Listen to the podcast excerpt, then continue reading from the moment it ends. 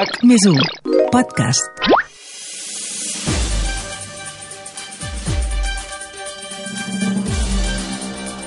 RAC més 1 us ofereix 14F amb Adrià Santa Susanna.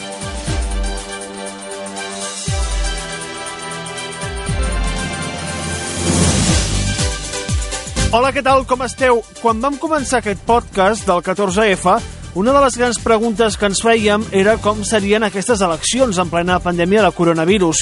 De fet, un dels grans interrogants era si finalment les eleccions s'acabarien fent o si s'haurien d'ajornar. La situació que podien generar les trobades durant les festes de Nadal o l'augment de casos doncs, ja ens feien preveure que podíem arribar al punt en què estem en aquests moments. I és que hores d'ara, ja ho sabeu tots, les eleccions ja no es faran el 14 de febrer, es faran el 30 de maig. I per tant, 14F deixa de tenir sentit i continuïtat en aquests moments.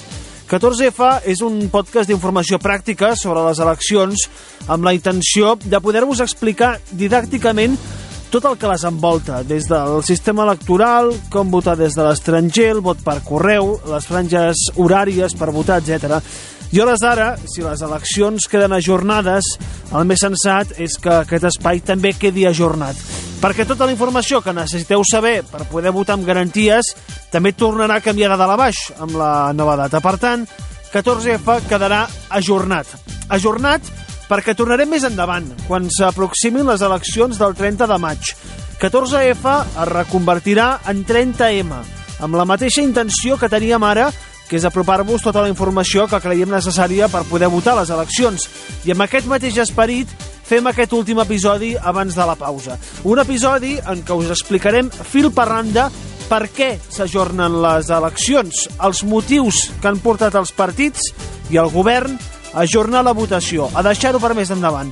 Escoltarem tots els protagonistes, les diferents versions, perquè sapigueu com ha anat tot plegat.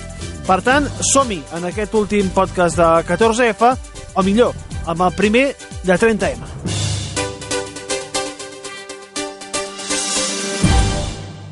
L'evolució de la pandèmia és molt preocupant i davant la seguretat que les properes setmanes seran molt difícils a nivell sanitari, ens hem vist obligats a prendre la decisió de traslladar les eleccions a la primavera. Aquestes paraules utilitzava el vicepresident Pere Aragonès per anunciar oficialment que s'ajornava les eleccions del 14 de febrer. Era divendres 15 de gener cap a les 7 i 5 minuts de la tarda després d'una reunió extraordinària de govern. Però per arribar fins aquí cal tirar enrere i descobrir tots els detonants, tots els moviments i tota la informació que ha provocat que s'ajornin les eleccions. I perquè ho entengueu millor, el que farem és un repàs cronològic de com ha anat tot plegat. Situem-nos a dilluns 11 de gener, el dia en què es fa una reunió tècnica entre els partits polítics i el govern principalment amb el Departament de Salut. Aquell dia, el govern envia un informe amb les previsions que tenen pel 14 de febrer, de com seria la situació epidemiològica al 14F. Aquest document preveia que el pic de transmissió dels casos arribés pocs dies abans que comencés la campanya electoral, concretament el 20 de gener, i el pic màxim d'ocupació dels llits a les UCI, a les cures intensives, arribaria poc abans de les eleccions, entre el 4 i el 10 de febrer. Recordem, les eleccions serien el 14 de febrer. És a dir, que l'última setmana de campanya electoral els partits s'estarien passejant per Catalunya tirant-se els plats pel cap en el pitjor moment de la tercera onada. Mentre els partits rebien aquest informe per part del Departament de Salut, al món RQ, el dilluns 11 de gener, feien una taula amb molts dels metges de referència de la pandèmia. I eren, atenció, perquè són primeres espases. Magda Campins, la cap de Medicina Preventiva i d'Epidemiologia de la Vall d'Hebron. Bonaventura Clotet, el cap de Servei de Malalties Infeccioses de l'Hospital Germans Trias i Pujol, i Antoni Trilla, el cap de Medicina Preventiva i Epidemiologia de l'Hospital Clínic. Campins, Clotet i Trilla. Els tres experts recomanaven ajornar les eleccions. Ho deien al món arrà com el Basté. Personalment penso que la curva anirà amb increment en les properes setmanes i que el 14 de febrer no estarem en una situació epidemiològica adequada com per poder fer unes eleccions. Jo crec que seria probablement eh, assenyat a retrasar-ho unes setmanes. Crec que per poder-les fer amb certa seguretat tindríem que tenir una situació epidemiològica bona, que no és el que sembla el pronòstic d'aquí pocs dies. Això dilluns, és a dir, s'explica als partits que la situació durant la campanya electoral i el dia de la votació serà terrible, que serà el pic de la onada, que serà el moment de més contagis i més UCIs, i paral·lelament tres eminències mèdiques recomanen ajornar les eleccions. Bé, això dilluns, la setmana va avançant, arribem a dijous, un dia clau. Si fins dijous s'havia plantejat que ajornar les eleccions era una possibilitat gran, dijous és quan es certifica que s'ajornen. És així, passen diferents coses que fan doncs, que el govern en si decideixi que la millor opció és ajornar les eleccions. Anem a PAMS. La primera, hi ha una roda de premsa de salut amb la consellera Alba Vergés i el secretari de Salut Pública, Josep Maria Argimon, en què es prorroguen les mesures que s'havien pres després de Reis, és a dir, entre d'altres, el confinament municipal fins al 24 de gener. En aquesta roda de premsa, precisament, se'ls hi pregunta a tots dos què en pensen de les eleccions i per començar, la consellera de Salut, Alba Vergés, diu això. Des del punt de vista de salut, des del Departament de Salut, expliquem la situació epidemiològica, expliquem també i posem uh, uns, uns números d'escenaris on ens pot portar un creixement de les UCIs que podria anar a 750-800 UCIs i, per tant, no és un escenari en cap cas uh, bo ni desitjable i treballarem per poder uh, no arribar en aquesta tensió i no arribar en aquest escenari. Creixement de les UCIs fins a 750-800 llits UCI només de coronavirus. I en aquesta mateixa roda de premsa, el doctor Josep Maria Argimon diu que en el moment actual, el 14 de gener, és a dir, un mes abans de les eleccions, ja s'estan desprogramant operacions i que, per tant, calen mesures dures. Si la gent es pensa o ens pensem que tot serà igual tenint 500 malalts a la UCI, doncs no, tot no es pot fer. Per tant, en aquí és aquesta decisió de si nosaltres volem continuar surfejant, eh, en el sentit que també jo he explicat i defensat moltes vegades, és aquí aquest binomi salut-economia, o si anem a reduir al màxim. Ara, reduir al màxim, o sí, vol dir setmanes i setmanes, eh? Aquesta roda de premsa es fa pocs minuts abans que el govern torni a reunir els partits per parlar de les eleccions. Estem a dijous. Es fa una trobada telemàtica amb responsables de salut a quarts d'una del migdia de dijous en què s'actualitza l'informe que els van enviar dilluns. En aquest informe, repetim, de dijous 14 de gener, es parla de dos escenaris de propagació del virus. El més lleu, és a dir, el més optimista, diu que el dia de les eleccions, el 14 de febrer, hi haurà uns 3 1.000 casos de coronavirus al dia i uns 620 pacients a l'UCI. Aquest és l'escenari més optimista, el que té millors perspectives. I el més pessimista explica que hi haurà uns 4.000 casos al dia i uns 750 pacients a l'UCI. Tot plegat, atenció, tot plegat, aquests escenaris, si les mesures que pren el govern funcionen, que ja hem vist durant la pandèmia que no sempre s'encerta. Doncs el govern afegeix un tercer escenari, que és el que passaria si les mesures que han pres fins a aquell moment no funcionen, és a dir, si el govern no aconsegueix frenar l'onada. Doncs, segons Salut, el 14 de febrer, el dia de les eleccions, hi hauria 9.000 casos al dia de coronavirus i 1.200 pacients a l'UCI. Per tant, primer, Argimon i Vergés explicant que les dades són dolentes, Segon, els partits que reben la informació que la situació 14 de febrer serà catastròfica. I tercer, la roda de premsa del síndic de Greuges sobre les eleccions. El síndic de Greuges, Rafael Ribó, va fer en el seu moment un comitè d'experts per analitzar si es podia votar o no a les eleccions, tal com, hi havia, tal com estava la situació epidemiològica. I aquell mateix dijous, en roda de premsa, el síndic explica els resultats. I què proposa aquest eh, comitè d'experts?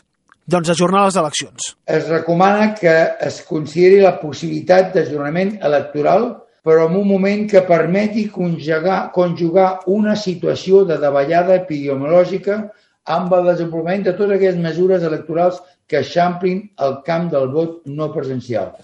I per què? Doncs bé, Magda Campins, que abans l'escoltàvem, l'experta, la, la doctora de la Vall d'Hebron, formava part d'aquest comitè que havia creat el síndic i explica que hi hauria entre 190 i 216.000 persones Repetim, entre 190 i 216.000 persones que data de 14 de febrer serien positives de coronavirus o contactes de positius. Per tant, persones que en teoria no podrien sortir de casa. Recordem que, segons el pla del govern, els positius i contactes sí que podien anar presencialment a votar, concretament a la franja de 7 a 8 del vespre. Doncs bé, Magda Campins es carrega el pla del govern s'ajunten persones infectades amb persones que són contactes estrets. Això des del punt de vista epidemiològic i des del punt de, de vista de salut pública és un risc important. Una persona que és un contacte estret, fins que no es demostri el contrari, no està infectada. Eh, per tant, el que no podem és juntar-la amb persones que estan infectades perquè l'estem exposant a un risc d'una altra possible exposició. Tot això passa el dijous. Com veieu, doncs, es va aplanant el terreny per ajornar les eleccions. Pràcticament en aquest context és impossible no fer-ho. De fet, tots els partits s'hi posen bé excepte el PSC, que proposa que les eleccions es facin el mes de març, concretament el diumenge 14 o el diumenge 21 de març, just abans de Setmana Santa. I amb aquesta situació, Arribem a divendres 15 de gener, que és el dia de la taula de partits i el dia en què s'acorda ajornar les eleccions i que passin el dia 30 de maig. Com va aquesta taula? Doncs bé, es troben a les 12 del migdia, per part del govern, el vicepresident Pere Aragonès, la consellera de Presidència Meritxell Budó, la de Salut Alba Vergés i els consellers Bernat Soler d'Exteriors, que és l'encarregat del procés electoral, i Miquel Samper d'Interior. Es troben amb els presidents i els portaveus dels grups parlamentaris. I en aquesta taula doncs comença intervenint el govern i explica quina és la situació de la pandèmia, com evoluciona i quins són els escenaris doncs, que hi havia pel 14 de febrer. I concretament proposen una forquilla de dates.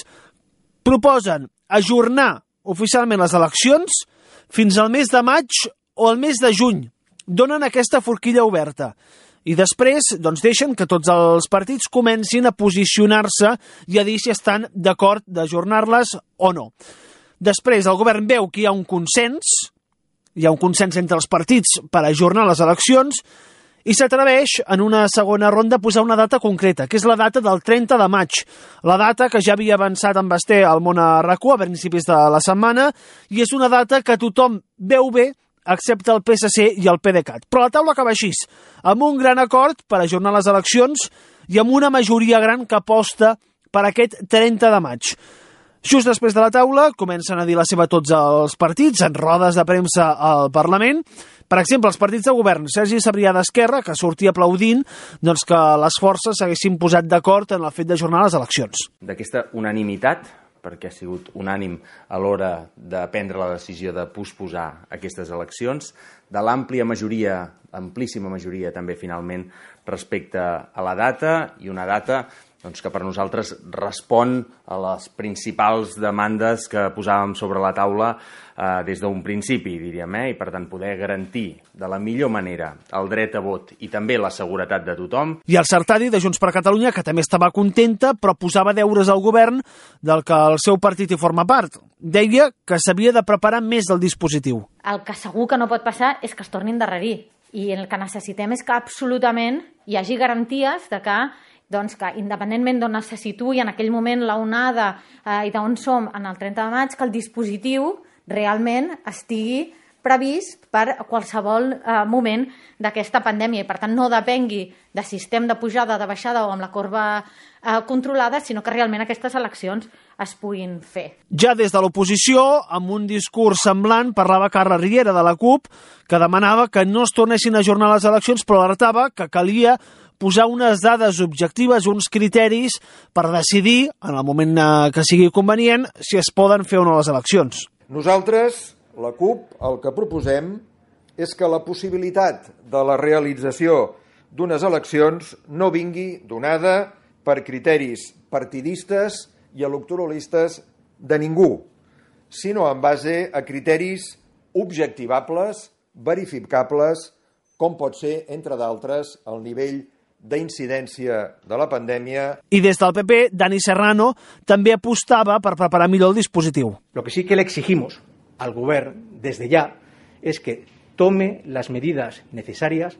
para garantizar que el próximo 30 de mayo los catalanes efectivamente van a poder ejercer el derecho a voto con garantías sanitarias, porque me da la sensación de que si volvemos a funcionar de la misma manera, llegaremos más o menos a finales de abril y nos encontraremos una vez más, si a Waterloo le conviene, con un nuevo aplazamiento de las elecciones. Encara des de l'oposició, dos partits que van sortir més o menys contents i satisfets de la reunió. Per una banda, Jessica Albiach dels Comuns. Han proposat la data del 30 de maig, altres eh, partits han proposat dates alternatives. Nosaltres, per exemple, havíem proposat el 16 de maig, però ens sembla raonable, estem parlant de dues setmanes, considerem que la data del 30 doncs, també entraria dins de, de, de lo normal, entraria dins de, per un costat, les garanties de vot i per un altre les garanties de salut i, per tant, per nosaltres és una data que, és una data que recull l'acord majoritari de, no només del govern, sinó dels partits que estaven presents. I per l'altre, Carlos Carrizosa, de Ciutadans. Nosotros sí que hemos eh, manifestado expre expresamente nuestra conformidad al 30 de mayo por motivos estrictamente sanitarios y según el Gobierno, y nos parece atendible, para el 30 de mayo existe una posible horquilla de vacunaciones entre el 9 y el 30%, que ciertamente es una horquilla sorprendentemente amplia, ya tendremos prioritariamente vacunadas a las personas más vulnerables. Ara bé, els dos partits que van sortir a criticar el govern de dalt a baix ser el PDeCAT i el PSC. El PDeCAT gens content amb la data. Deia que les eleccions es podien fer abans sense problemes i posava una forquilla de dates entre el 25 d'abril i el 15 de maig. Marc Castells. No hi estem d'acord. No hi estem d'acord. No ens han donat cap criteri eh, objectiu que ens digui que el 30 de maig és millor que el 25 d'abril. Perquè, de fet, nosaltres hem fet una proposta en el sentit de proposar en aquesta taula de partits que es contemplés eh, fer aquestes eleccions entre el 25 d'abril i el 15 de maig. Ningú ens ha sabut explicar per què el 30 de maig és millor que el 25 d'abril però qui va sortir més enfadat va ser el PSC, Miquel Iceta, que reclamava eleccions al mes de març abans de vacances. Els socialistes i Units per Avançar ens oposem a l'ajornament de les eleccions. I més encara si és per portar-les al 30 de maig, perquè aquesta decisió no es pren en base a criteris epidemiològics. Les dades sanitàries proporcionades indiquen que el pic de la pandèmia en la fase actual serà el 19 de gener i, per tant, bastant abans que comenci la campanya electoral. Sí, com sigui, al final tots van estar d'acord en ajornar les eleccions i amb la data del 30 de maig la gran majoria va dir que sí. A partir d'aquí es va reunir el govern a les 5 de la tarda i va decidir oficialment ajornar les eleccions. Cap a les 7 i 5 minuts de la tarda compareixia el vicepresident Pere Aragonès per explicar la decisió. L'actual evolució de la Covid-19 amb tota Europa patint les conseqüències d'una tercera onada que està superant totes les previsions, evidencia que mantenir la convocatòria a la data prevista és un risc inassumible a nivell sanitari i un perjudici per la participació que ha de legitimar tot procés democràtic. Es tracta d'una decisió molt meditada i molt raonada. En resum, tot plegat provoca que s'ajornin les eleccions.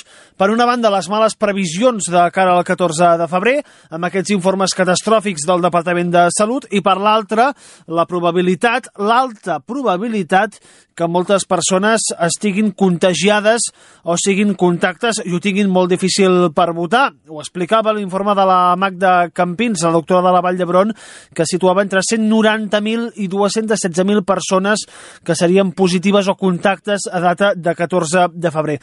Aquesta és la cronologia i aquesta és la resposta de per què s'han ajornat les eleccions. No hi haurà 14F i ens haurem d'anar acostumant a sentir això de les eleccions del 30M, les eleccions del 30 de maig.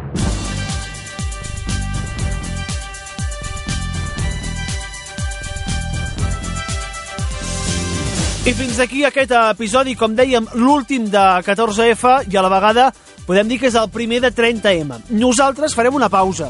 També ens autoajornem, com les eleccions. Uh, recordeu que podeu recuperar els episodis que hem fet fins ara perquè continuen vigents per qualsevol votació.